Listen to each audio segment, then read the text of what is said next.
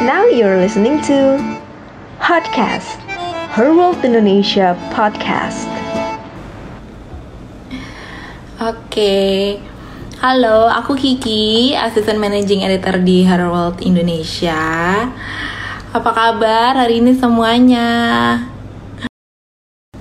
Oke, pasti um, udah banyak yang tahu ya soal regulasi PSBB yang akan dilonggarkan ya kan? Nah dan dalam waktu dekat kita akan mulai uh, menyongsong yang namanya new normal. Beberapa mall dan tempat umum tuh kabarnya udah ada yang mulai beroperasi tapi uh, emang sih masih dengan protokol kesehatan yang ketat jadi nggak belum normal-normal banget gitu. Tapi jujur aku pribadi nih masih belum siap untuk ini ya nggak sih? Ada nggak yang masih belum siap untuk menghadapi new normal? Nah di ngobrol bareng HW kali ini aku membahas soal kesiapan mental dalam menghadapi new normal. Menurutku ini topik yang penting banget karena aku yakin bukan cuma aku yang merasa belum siap ya kan? Nah untuk membahas lebih dalam lagi aku mengajak dokter Jimmy Ardian, psikiatris yang lumayan rame nih di Instagram. Hai. Halo Mbak Kiki, hai. Hai dok, apa kabar? Sehat, gimana kabarnya? Sehat, sehat. Akhirnya ketemu lagi secara online. iya, masih ketemu virtual ini ya. Masih ketemu virtual. Oke, dok kita langsung nanya kali ya, langsung bahas aja soal new normal ini. Kalau menur menurut dokter tuh new normal tuh apa sih artinya? Um, new normal ini menurut saya proses transisi ya antara situasi yang memang urgent, genting bahaya, ke kondisi yang saya nggak bilang aman, tapi relatif lebih baik, sehingga kita perlu mulai untuk kembali hidup. Tapi bukan berarti normal, Iya, tapi juga nggak normal. Iya, ini abu-abunya lah ya. Hmm, oke. Okay. Nah, menurut dokter, resiko apa aja sih yang mungkin terjadi akibat adanya new normal atau perubahan perilaku ini? Hmm. Yang pasti setiap perubahan itu kan nggak enak ya Mbak Kiki ya. Mm-hmm. Perubahan yang lebih baik aja pasti nggak enak. Kayak teman-teman yang mulai baru mulai olahraga pasti tahu kalau memulai olahraga itu nggak enak. Mm. Tapi kalau udah jalan ya biasa aja. Atau teman-teman yang baru mulai ganti eh, program makannya, program dietnya menjadi makanan yang lebih sehat, itu pasti nggak enak juga. Mm. Wah rasanya nggak karu-karuan. Saya rindu micin bertaburan dengan junk food misalnya itu kan itu kan enak ya. Perubahan itu selalu tidak nyaman sekalipun perubahannya ke arah yang lebih baik. Mm termasuk new, new normal ini. Sekalipun kita tahu kita pasti berubah dan nggak ada yang nggak mungkin, eh nggak ada yang mungkin tetap sama aja kan dalam hidup ya. Yeah. Kita pasti berubah, tapi setiap perubahan pasti membuat ketidaknyamanan.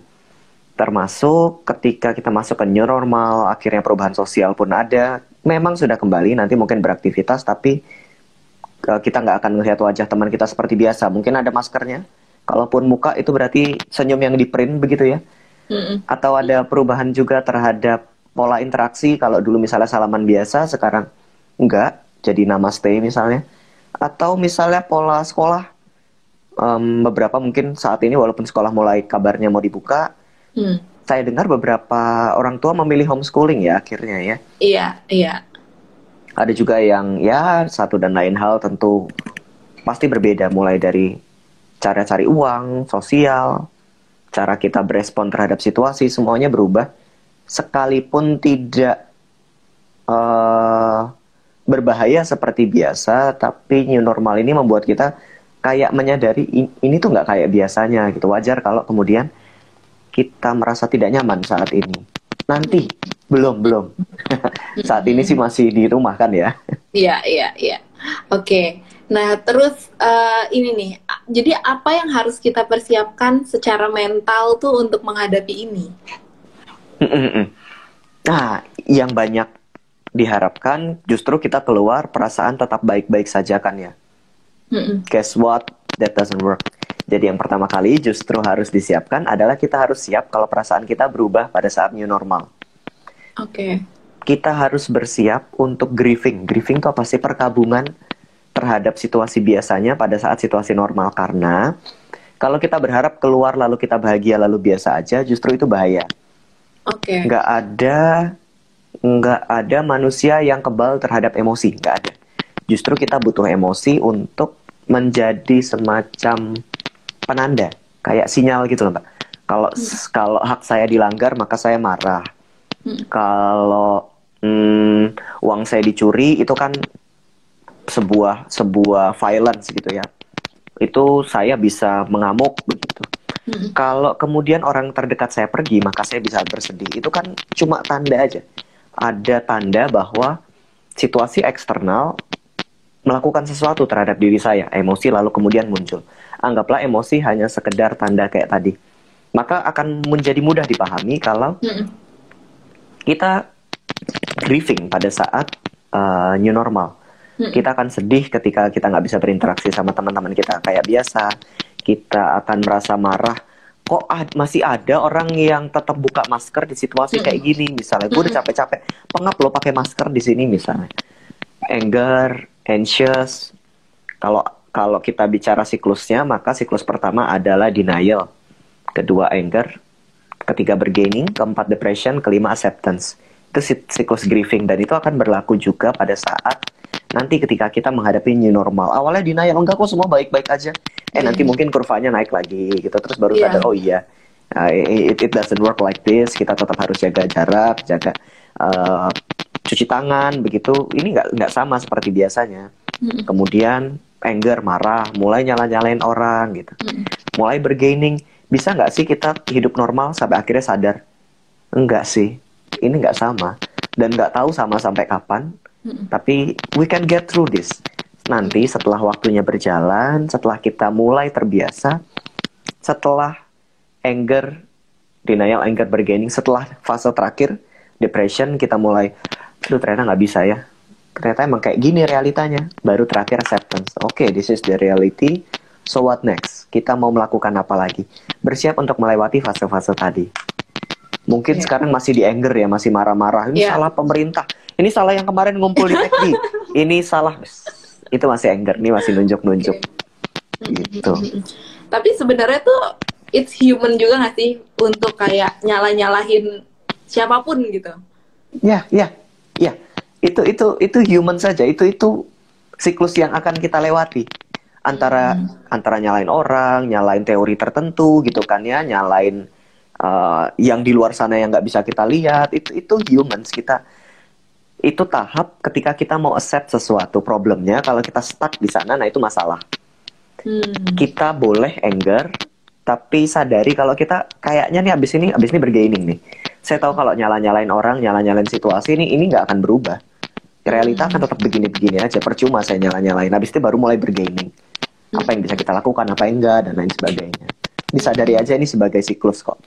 Suara headsetnya kresek-kresek iya sama iya, saya mainin headset ya? satunya lagi oh. sorry sorry lagi okay. ya tangan saya yang usil diem oke oke nah jadi oke berarti kita harus menyiapkan proses uh, grieving itu ya untuk bisa masuk ke new normal ini. Betul. Dan semakin cepat acceptance, semakin kita berani cepat menerima. Oke, okay, this is the reality. Ini realitanya. Saya terima. Nggak lagi ngomel-ngomel ke orang lain atau ke siapa nggak. Ya ini saya. Sudah. Nah itu baru kita bisa berproses secara emosi lebih baik.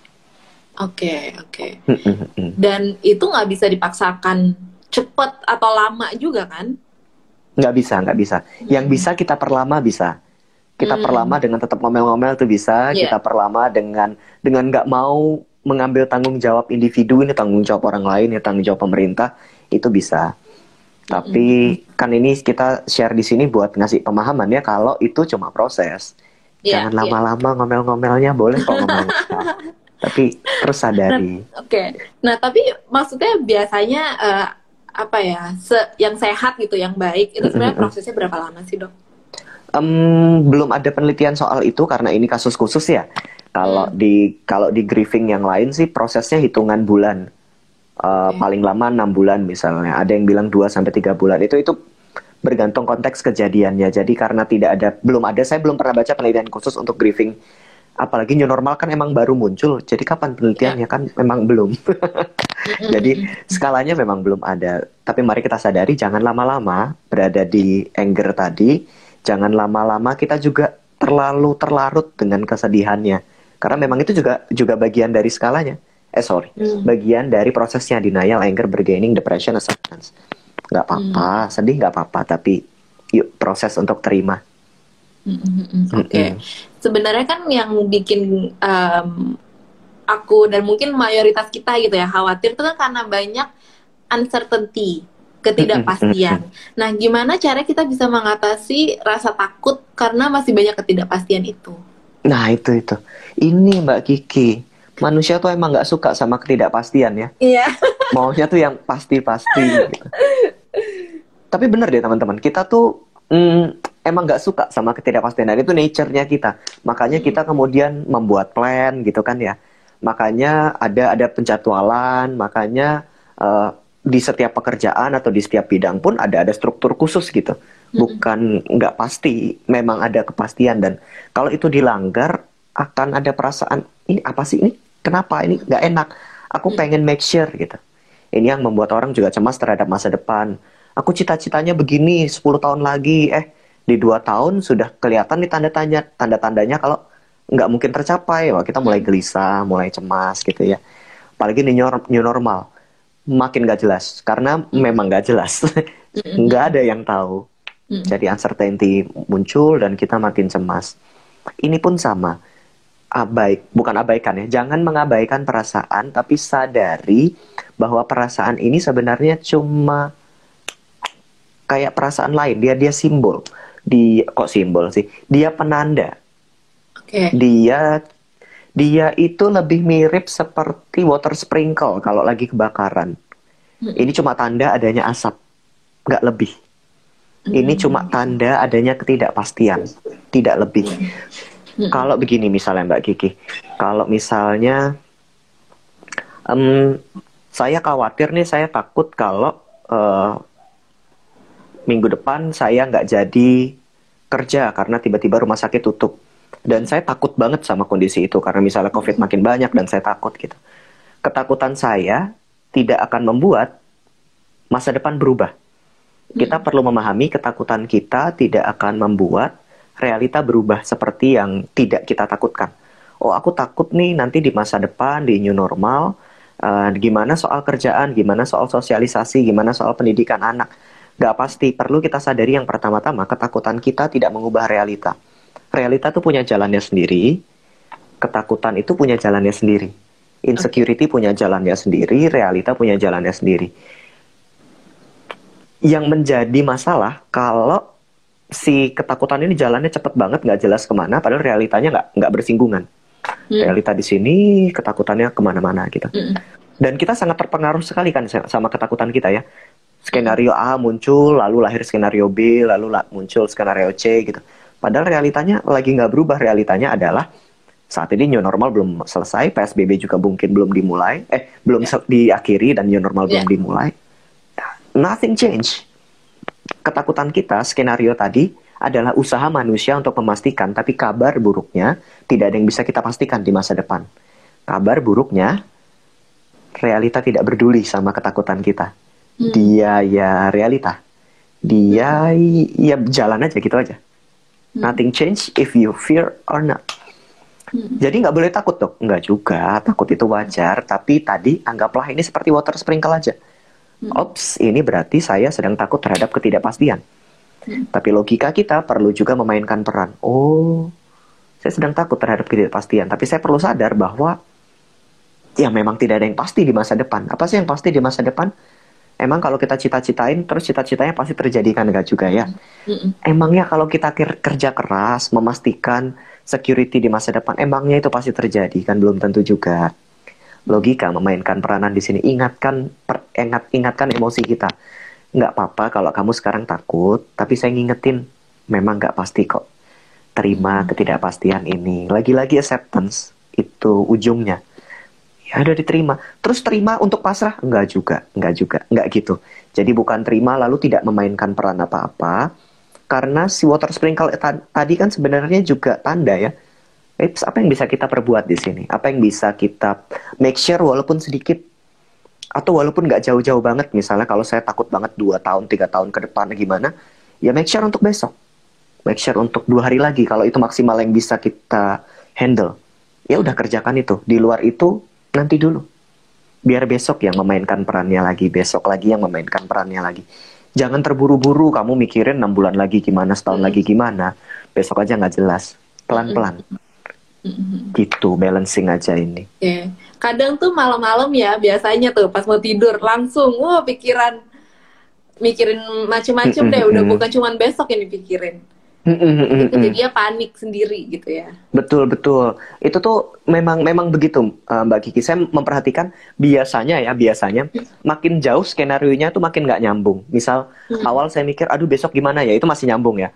Aduh kalau besok nanti kerjaan nggak beres gimana ya? Nanti makin jauh lagi aduh nanti kalau bos marah gimana ya? Padahal mm. ini yang yang yang agak real tuh cuma lapis pertama. Makin ke belakang itu pikirannya makin gak nyambung. Tapi kita tersiksa dengan yeah. yang yang makin gak nyambung tadi. Jadi hati-hati. Coba coba di di di apa ya namanya di dipasang barrier teman-teman. Jangan jauh-jauh. Boleh dikhawatirkan tapi hati-hati. Kalau makin jauh itu biasanya eh, otak kita tuh udah udah bikin skenario yang nggak nyambung. Yang deket-deket aja. Mm -hmm. Oke. Okay. Nah, kalau menurut dokter, um, gimana cara bisa memanage emosi yang mungkin datang itu ketika menerapkan new normal?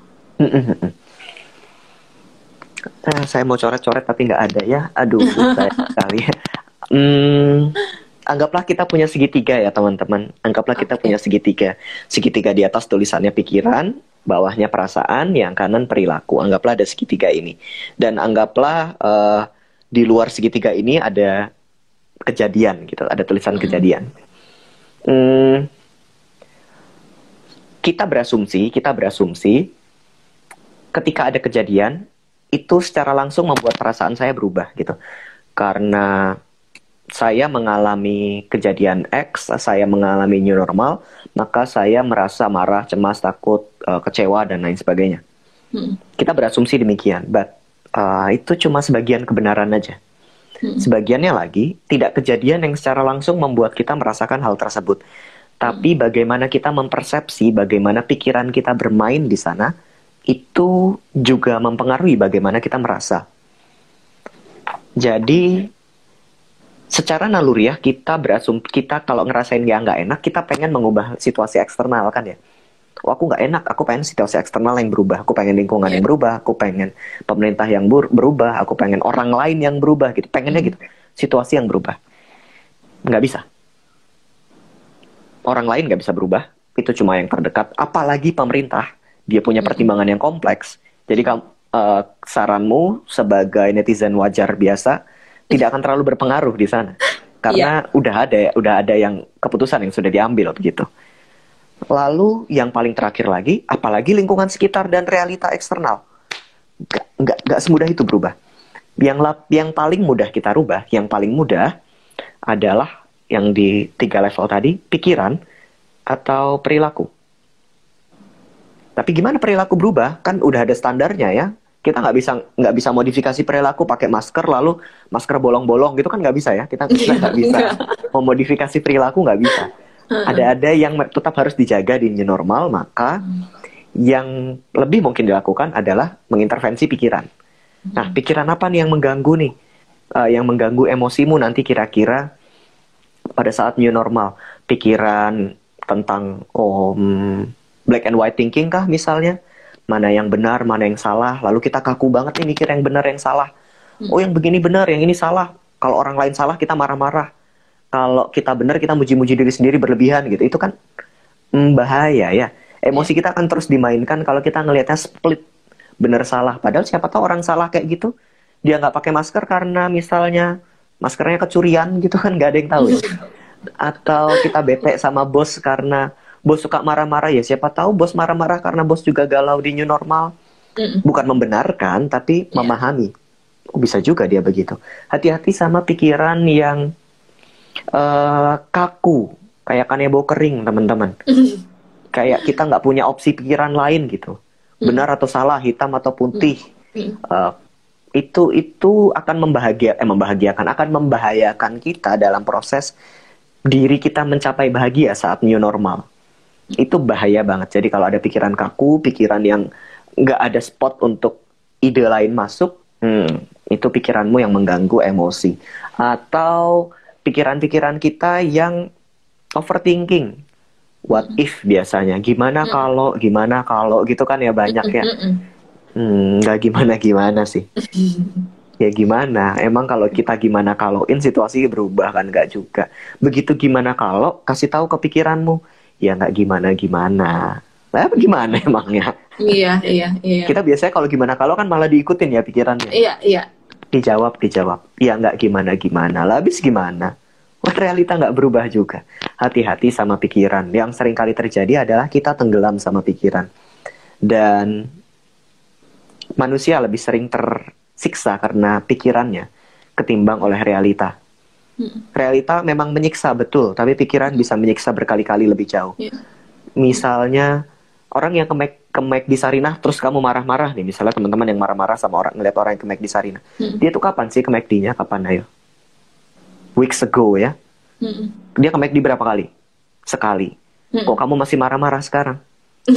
Itu kan bukti pikiran kita masih masih suka gangguin padahal kejadiannya ya udah udah entah kapan udah nggak jelas jadi pikiran kita bisa mengulangi rasa sakit hmm.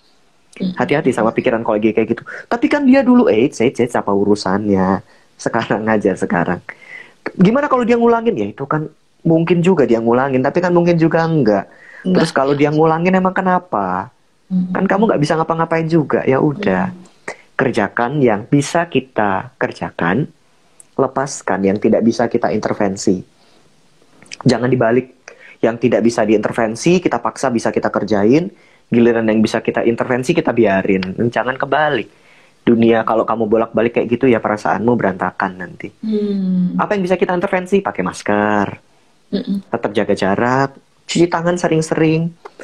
Miliki keterampilan yang sangat penting yaitu resilience namanya keterampilan untuk bangkit ketika kita jatuh karena kita akan butuh banget tuh nanti saat new normal new normal itu artinya kita akan banyak menghadapi benturan-benturan dan kita gagal kan ya saya nggak doain teman-teman gagal sih cuman saya ngebayangin aja itu pasti banyak terjadi banyak yeah. benturan lalu patah dan itu banyak terjadi maka kita perlu melatih diri punya keterampilan untuk bangkit di saat benturan itu terjadi itu yang bisa kita intervensi. Yang nggak bisa kita intervensi, pikiran orang, kelakuan ya. orang, ya. omongan orang, uh, keputusan orang lain, pendapat orang lain. Nggak bisa. Maka ya. geser tadi pikiranmu, pendapatmu, kelakuanmu. Pikir uh, kalau kalau ini aja nggak bisa kita kendaliin, ya yang nggak bisa kita kendaliin, ya makin nambah. Kita nggak ngendaliin bagian kita, tapi kita berusaha ngendaliin sesuatu yang kita nggak bisa emosi makin gak karu-karuan. Kendalikan bagianmu, tapi lepaskan yang bukan bagianmu. Gitu. Hmm, Oke. Okay. Nah, kalau kita stres karena mm, information overload, kan terlalu sering baca sosmed, uh, kurvanya naik tapi new normal, yang kayak gitu-gitu lah masih banyak. Uh, ahli bilang ini tapi pemerintah bilang ini. Pokoknya banyak banyak banget opini-opini yang ada di sosial media. Akhirnya kita bikin akhirnya kita stres gitu. Nah itu tuh gimana dok ngadepinya iya itu. Tebak teman-teman. Information overload tuh bagian yang bisa kita kendaliin atau nggak bisa kita kendaliin? Uh, bisa kita kendaliin Oke. Okay. Mm -mm. Yang nggak bisa kita kendaliin apa? Naiknya kurva itu nggak bisa kita kendaliin. Yeah karena itu itu it, it takes uh, gimana itu bukan community lagi ya itu mm itu senegara yang harus kerjasama mm bukan satu dua orang lagi jadi itu bisa it, naiknya kurva dalam kendalimu enggak tapi keputusan pemerintah untuk membuka new normal atau tidak saya percaya itu bukan sesuatu yang dipikirkan saat, dalam satu atau dua malam saja um, saya bukan buzzer pemerintah ya teman-teman ya, yeah. jangan salah paham ya. Tapi begini, okay. saya punya konsep berpikir uh, dan konsep berpikir ini lahir dari sebuah teori dari Marshall Linehan. Konsep berpikirnya bilang kayak gini, setiap orang sudah melakukan yang terbaik menurut sumber dayanya pada saat itu. Dan saya percaya dalam dalam skala yang lebih besar, masing-masing pengambil kebijakan sudah berusaha yang terbaik menurut sumber dayanya pada saat itu. Kalau keputusannya belum ideal, sangat mungkin sumber dayanya yang belum ideal atau keterampilan uh, masyarakatnya misalnya yang belum ideal atau atau sumber daya yang lain yang belum ideal misalnya saya nggak tahu.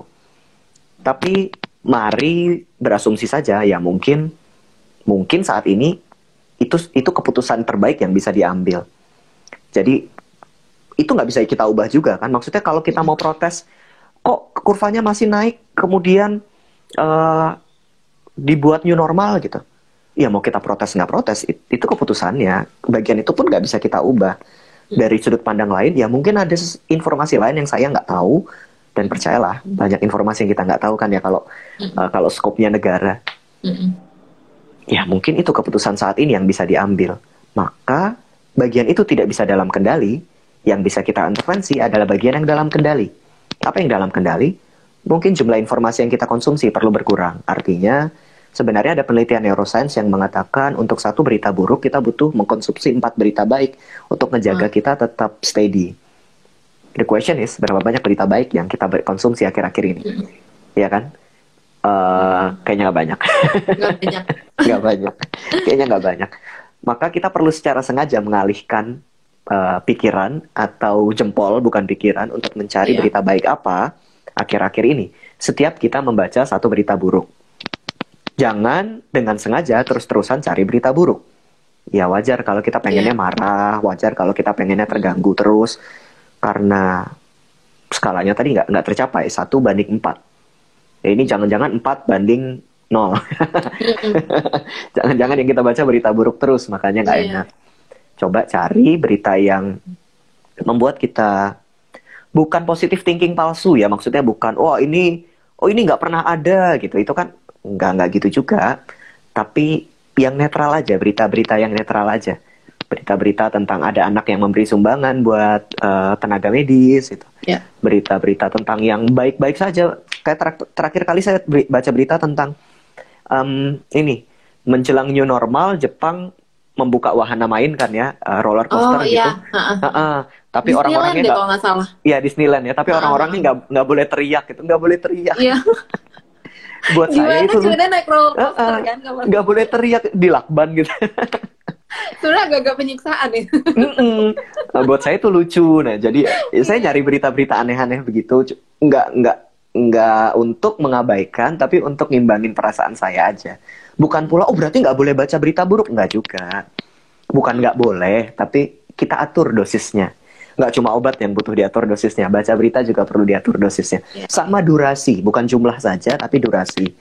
Um, saya pribadi ngasih ngasih waktu. Kalau waktu saya biasanya jam 5 sampai jam 7 itu saya boleh baca uh, berita-berita uh, terkait covid. Kenapa? Karena itu itu berita setelah pemerintah update uh, jumlah baru. Hmm. Asumsi saya sebelum itu beritanya pasti sama, itu berita kemarin. Kenapa saya harus hmm. harus uh, nyari informasi yang nggak nggak nggak baru? Itu nyiksa hmm. saya aja.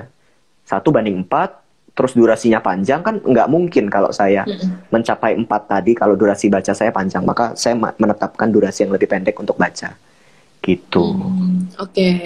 nah tadi uh, dokter sempat mention soal orang orang-orang yang nggak mengikuti peraturan.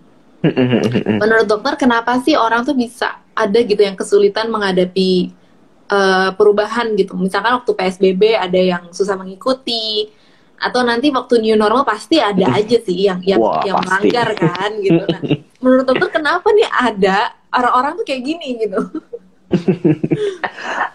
itu penjelasannya banyak ya tapi iya pasti oke teman-teman. Harapkan ada banyak orang yang melanggar. Harapkan itu. Kenapa harapkan itu? Biar kalau kejadian kamu nggak marah-marah. Oh, oke. Ya, ya, ya. harapkan itu. Harapkan orang-orang melanggar. Bukan hmm. bukan kita berharap jelek bukan. Biar yeah. kalau ada yang terjadi tuh kan bener kan yang gue pikirin gitu. Yeah, yeah. biar kita nggak marah-marah. Oke. Okay. nah selain selain iseng mengharap itu dan itu bagian konteks hanya mengatur pola pikir bercanda, jangan kamu yang ngelanggar. Cuman kita perlu memahami juga bahwa perubahan itu sulit. Tidak mudah untuk berubah. Yang gampang deh yang gampang. Semua orang tahu olahraga itu baik kan? Semua orang tahu olahraga itu baik. Berapa teman-teman yang olahraga? Ayo, ayo. Siapa yang olahraga? tahu olahraga itu penting untuk kita di PSBB tetap fit. Betul kan? Tahu kan? Berapa banyak yang olahraga? Ayo. Hmm. belum lagi makan sayur, belum Iya. lagi nabung, nabung. Ayo, ayo, ayo. Apa malah uh, scroll e-commerce, malah belanja sering, ayo. Pengetahuan tidak mengubahkan. Tidak sekedar karena kita tahu mana yang benar, lalu kita melakukan itu. Memang perubahan perilaku pada manusia itu tidak banyak ke tidak banyak dipengaruhi oleh keputusan logis. Perubahan perilaku pada manusia itu lebih banyak dipengaruhi kepu- keputusan yang emosional. Hmm. Kenapa ada banyak orang yang melanggar? Asumsi saya, kebutuhan dia belum menyentuh kebutuhan emosionalnya untuk dia berubah. Bisa macam-macam. Bisa rasa takut gitu misalnya. Saya takut orang tua saya ketularan karena orang tua saya tua. Maka saya jaga diri baik-baik nih. Nggak pulang kampung kemarin pas lebaran. Saya cuci tangan sering, saya pakai masker. Kalaupun salim, saya salimnya virtual gitu ya lewat Hmm. eh, pesan pesan apa nih namanya pesan internet begitulah. Ada ada kebutuhan emosional yang sedang saya penuhi atau misalnya kebutuhan emosional itu perasaan aman secure saya yang takut misalnya. Atau kebutuhan ini perasaan sedih karena ada teman yang pernah terkenal lalu sakit berat begitu misalnya. Itu kebutuhan emosional. Sangat mungkin orang-orang yang hmm, belum berubah saya tidak mengatakan tidak berubah belum menemukan kebutuhan emosionalnya. Ini yang perlu kita sentuh bersama-sama. Eh, perhatikan teman-teman, lebih banyak orang berubah karena situ, karena emosi yang disentuh, ketimbang karena debat logis yang dingin. Jadi kita mau debat logis dingin kayak gimana pun di internet, kamu tuh harusnya turut dan lain sebagainya. Tapi kalau itu keputusan selogis apa pun, dia nggak akan berubah. Kenapa? Karena manusia nggak berubah karena keputusan logis, tapi karena kondisi emosional. Oh iya, yang diomongin bener gitu. Coba-coba, misalnya kita ingat deh, pernah nggak ngobrol sama temen, terus omongannya sebenarnya logis banget. Iya sih dia bener logis, tapi kamu tetap nggak berubah. Sering nggak? Sering banget pasti. Mm-mm. Karena bukan tentang benar salah, ini tentang emosi. Sangat mungkin ada emosi-emosi yang kalau tadi kan emosi yang tidak ditemukan. Iya. Mungkin juga emosi-emosi yang disembunyikan, makanya seseorang nggak mau nurut sama PSBB atau new normal.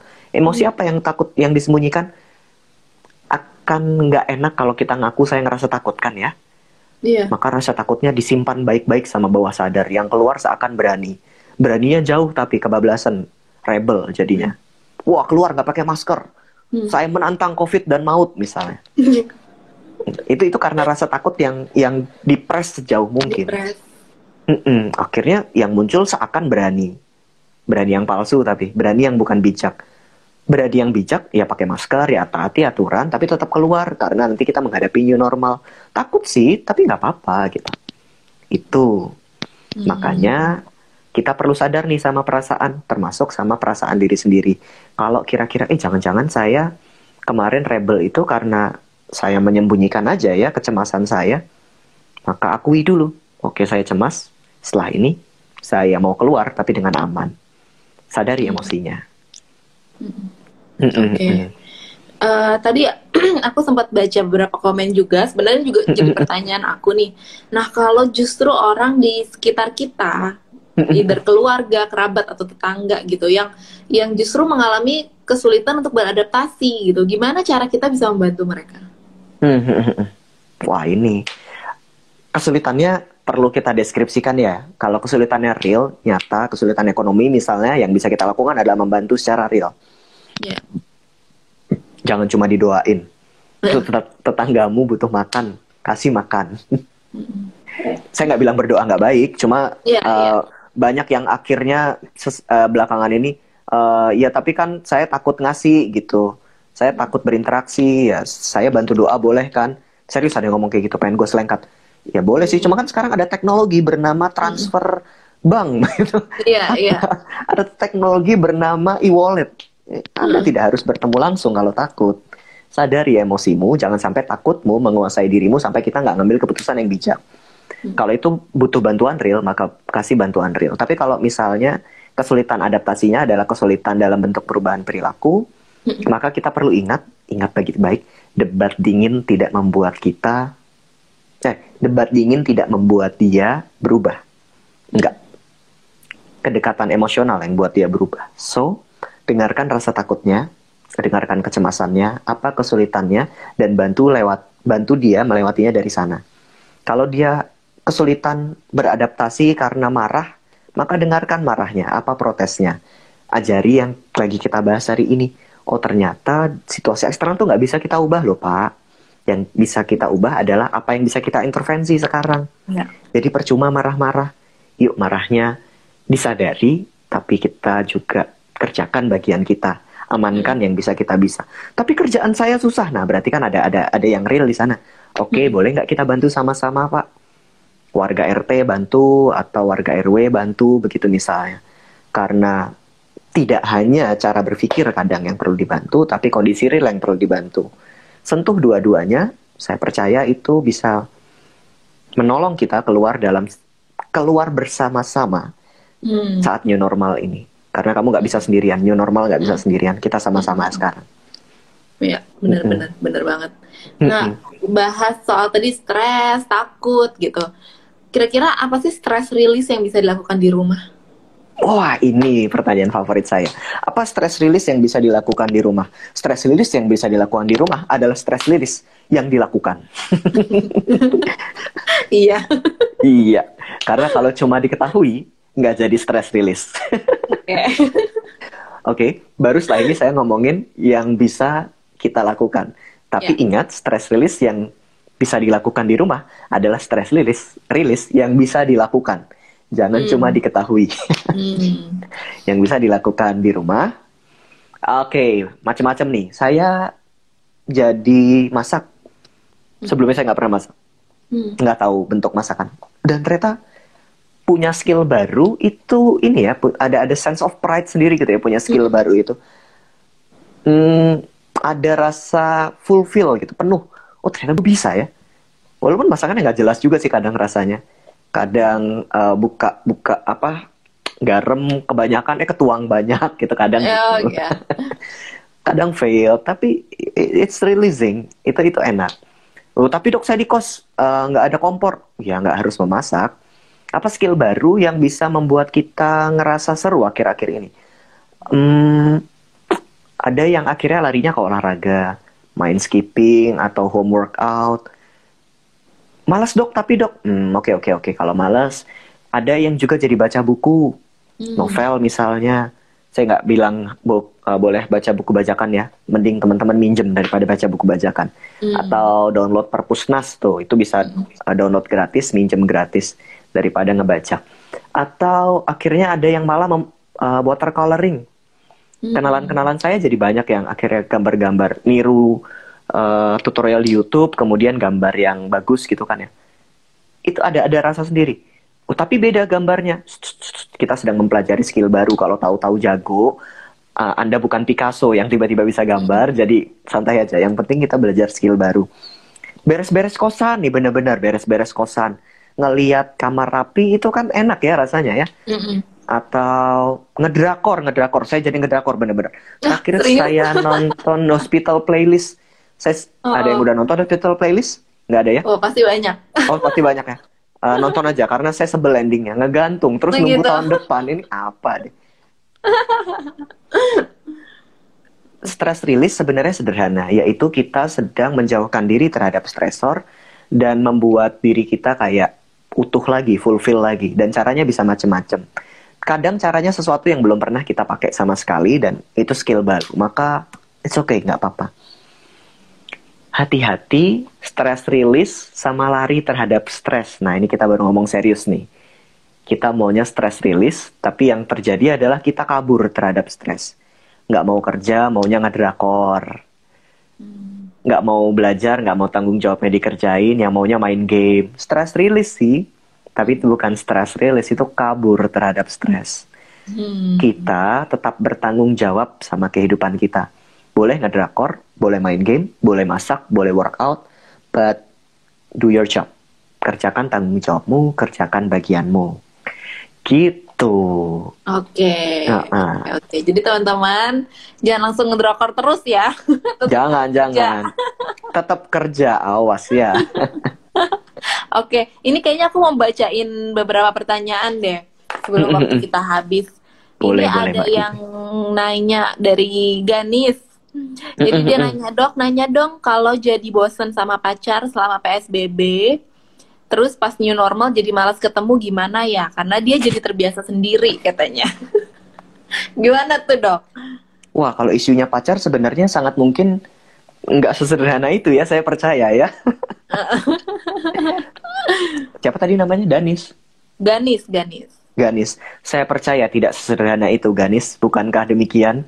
Kamu bosan sama pacar bukan karena PSBB kan? Ayo ngaku. Ayo. Hmm, kalau mau jujur, PSBB cuma membuat kebosananmu sama pacar yang sebenarnya udah ada jadi bertambah, iya atau iya? Waduh.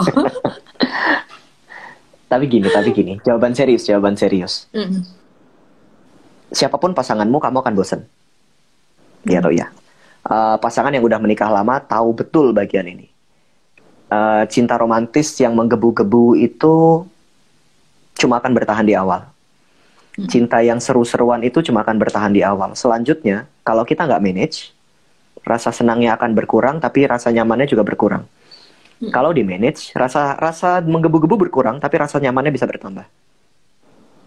Ada beda jauh antara cinta awal mula-mula seneng seru gitu dengan cinta yang dibangun berkelanjutan. Rasanya tuh beda. Kalau yang satu rasanya deg-degan, seru, enak gitu. Yang satu rasanya tuh subtle, pelan. Tapi enak. Tapi rasanya itu bikin bisa bertahan lama. Bosan? Pasti bosan. Pasti bosan. Karena kita ketemunya itu-itu lagi. Ngomongnya itu-itu lagi. Polanya kebaca. Pasti bosan. Tapi ini bukan tentang bosan atau enggak. Ini tentang bagaimana kita meni- kita beradaptasi ketika rasa cinta berturun tapi rasa nyaman meningkat. Dan itu kerjaan berdua. Saya nggak percaya konsep soulmate. Saya nggak percaya ketemu bareng bahagia selamanya. Saya nggak percaya. Seideal apa pun dua orang bertemu, kalau dua-duanya nggak kerja keras, hubungan nggak akan ber, ah, nggak bekerja. Itu konteksnya padahal belum PSBB dan new normal ya.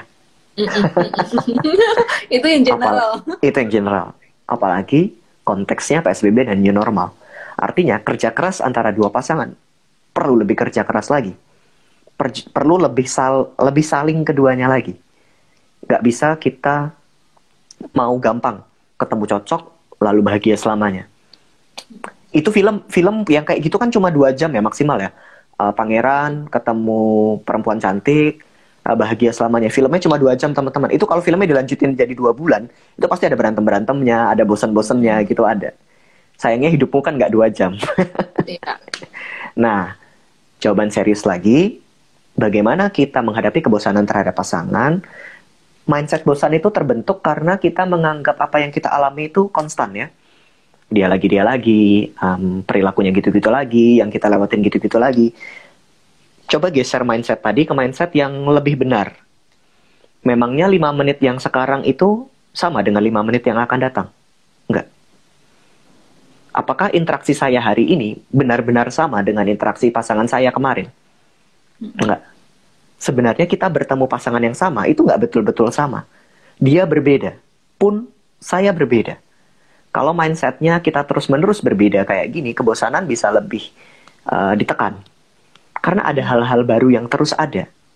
Oh, oh, ternyata uh, hari ini jerawat dia muncul ya, eh lucu juga gitu. Eh ternyata hari ini ada kelakuan dia yang aneh, lucu juga gitu. Kalau kita highlight in detail bahwa ada hal-hal yang baru dan terus-menerus unik, maka rasa bosan bisa ditekan. Mungkin rasa bosan ini muncul karena generas- generalisasi kita yang berlebihan. Oh sama aja, oh gitu-gitu aja, bosan jadinya. Coba lihat hal-hal detail yang menarik deh. Nanti biasanya akan lebih membantu. Gitu.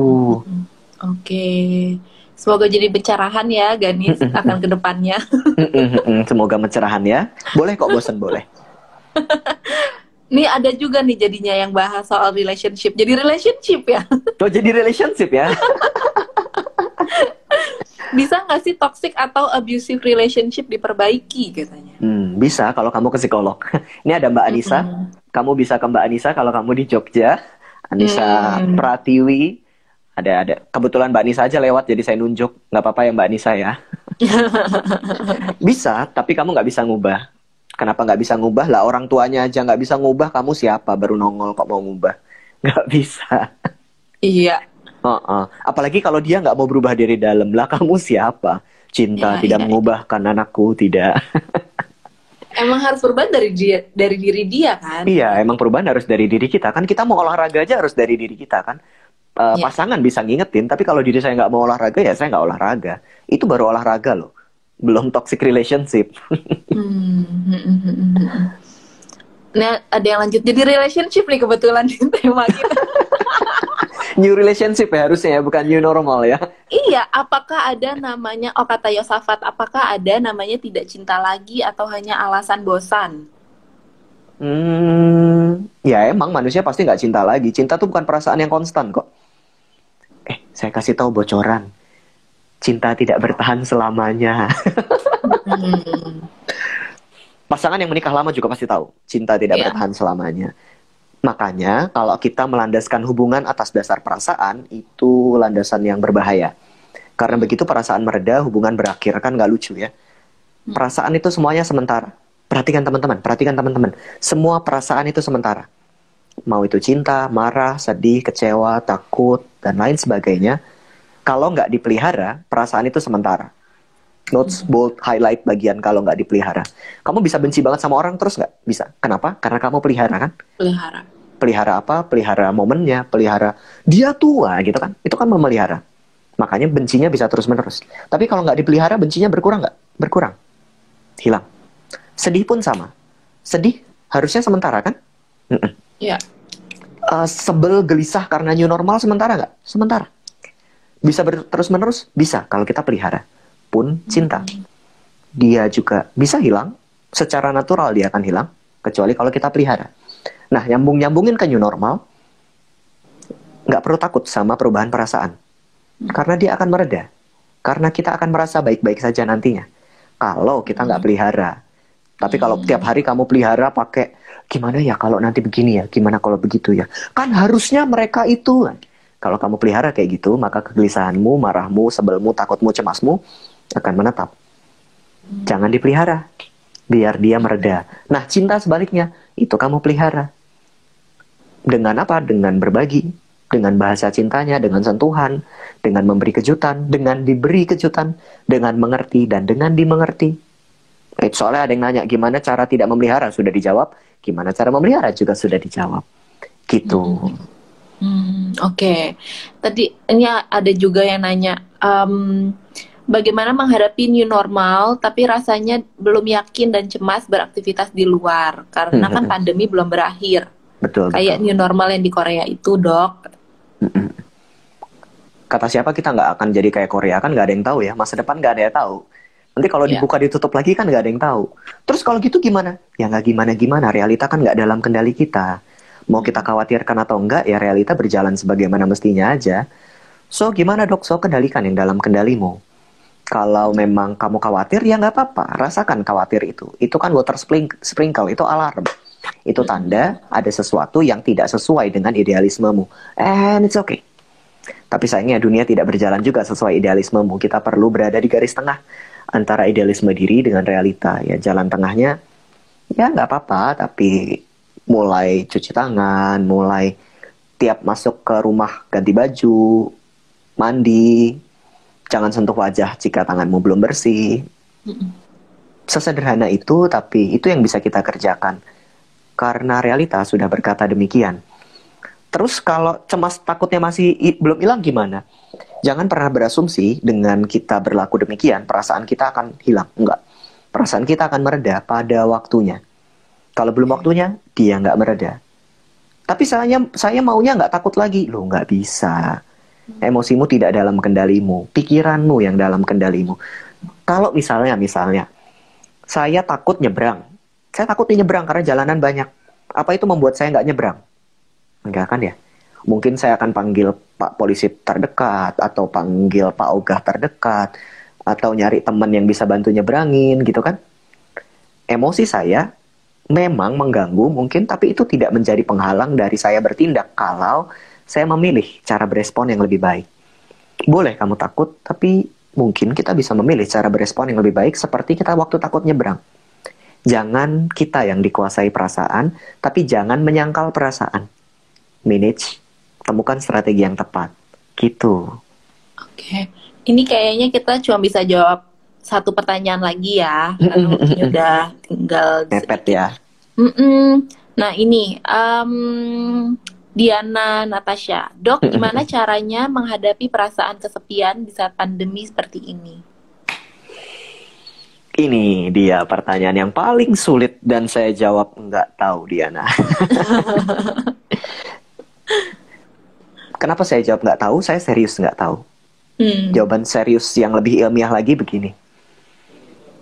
Manusia itu makhluk sosial. Kita belajar itu dari SD ya. Manusia makhluk sosial tapi kita nggak benar-benar memaknai kalimat tadi ternyata punya latar belakang biologis yang sangat kuat. Hmm. Manusia butuh keterhubungan itu bukan hanya secara psikologis, tapi itu kebutuhan badaniah. Hmm. Kalau orang disentuh, kalau orang dipeluk, itu ada hormon namanya oksitosin keluar. Oksitosin ini buat kita nyaman, ngebuat kita mampu menghadapi stres. Makanya pas WTC uh, World Trade Center uh, di Amerika itu kan uh, trauma besar ya di Amerika sana. Hmm. Cuma orang-orangnya lebih mampu survive ketimbang COVID sekarang. Kenapa? Karena pada saat itu memang trauma besar, tapi orang bisa bertemu, orang bisa bertemu, orang bisa berpelukan, orang bisa saling berbagi, orang bisa saling menguatkan, dan itu resources yang kuat sekali. Saat COVID, kita lonely, kita nggak punya support, maksimal-maksimal support yang bisa kita dapatkan itu layar handphone kita, teman kita ngomong di sana. Bukan begitu. Mm. Tapi realita tidak bergerak sesuai dengan maunya kita. Ingat bagian itu. Sehingga kita tidak bisa menghilangkan loneliness. Kita bisa mengurangi intensitas loneliness. Kalau mengurangi loneliness, caranya kita perlu bertemu dengan orang lain, kita sosialisasi lagi, kita pelukan lagi, kita ketemu lagi, ngobrol dalam lagi, yang which is itu nggak mungkin dilakukan pada new normal. Hmm. Mungkin sih, kalau kamu bandel. Realitanya tapi kalau kamu nggak bandel, asumsi saya kamu nggak bandel, yeah. kamu nggak ngelakuin itu. Maka akan ada sisa-sisa rasa kesendirian. And it's okay. Sisa-sisa rasa kesendirian itu baik. Itu menunjukkan kalau kita masih punya kebutuhan normal untuk bersama-sama dengan orang lain. Minimalisir kesendirian itu dengan jadwalkan bertemu dengan teman-temanmu virtual. Entah terserah berapa lama sekali. Jadwalkan main game bersama teman-temanmu walaupun itu secara virtual. Uh, modifikasi permainan untuk bersama teman-temanmu misalnya uh, bikin challenge olahraga bareng gitu misalnya supaya ada keseruan sama-sama. Itu tidak akan menghilangkan kesendirian karena yang bisa menghilangkan kesendirian adalah hubungan yang bermakna tapi kita perlu ngurangin dosis intensitas kesendirian. Hmm. Itu yang perlu kita target. Jadi jangan target hilangkan kesendirian ya. Nggak hmm. mungkin itu dicapai. Targetnya saya mau mengurangi intensitas kesendirian. Gitu. Hmm, oke okay, oke. Okay. Thank you banget dok insight-nya untuk Sama-sama Mbak Kiki, terima kasih. Uh, mungkin aku mau share konklusi sedikit kali ya buat teman-teman tadi. Jadi um, berarti wajar banget kalau awalnya nanti menghadapi masuk new normal ini kita um, takut ya, kita khawatir ternyata wajar. Tapi uh, kita tetap harus bersiap untuk proses grieving itu ya dok. Ya. Yeah dan jangan uh, mengabaikan perasaan. Kalau takut ya udah biarin aja takut gitu. Karena kan ada waktunya juga untuk proses itu bisa selesai. Um, terus apalagi oh, uh, karena ketakutan nggak mengubah realita juga. Karena realita tuh punya partnya sendiri takut juga punya partnya sendiri dan semua perasaan itu sementara kalau nggak dipelihara. Berarti sebaiknya kita pelihara yang positif jangan dipelihara yang negatif gitu kan ya. Dipilih yang pelihara ya, jangan nggak dipilih nanti berantakan. Oke, okay. thank you banget Dok Jimmy uh, thank you, Mbak Kiki. sharing-sharingnya sore ini. Kita dapat banyak banget masukan dan terutama aku sendiri dan pasti teman-teman yang udah takut nih menghadapi ketakutan. Tapi thank you banget dengan insight-nya ini kita bisa lebih positif lah menghadapi new normal nanti. Thank you. Thank you Mbak Kiki. Bye bye.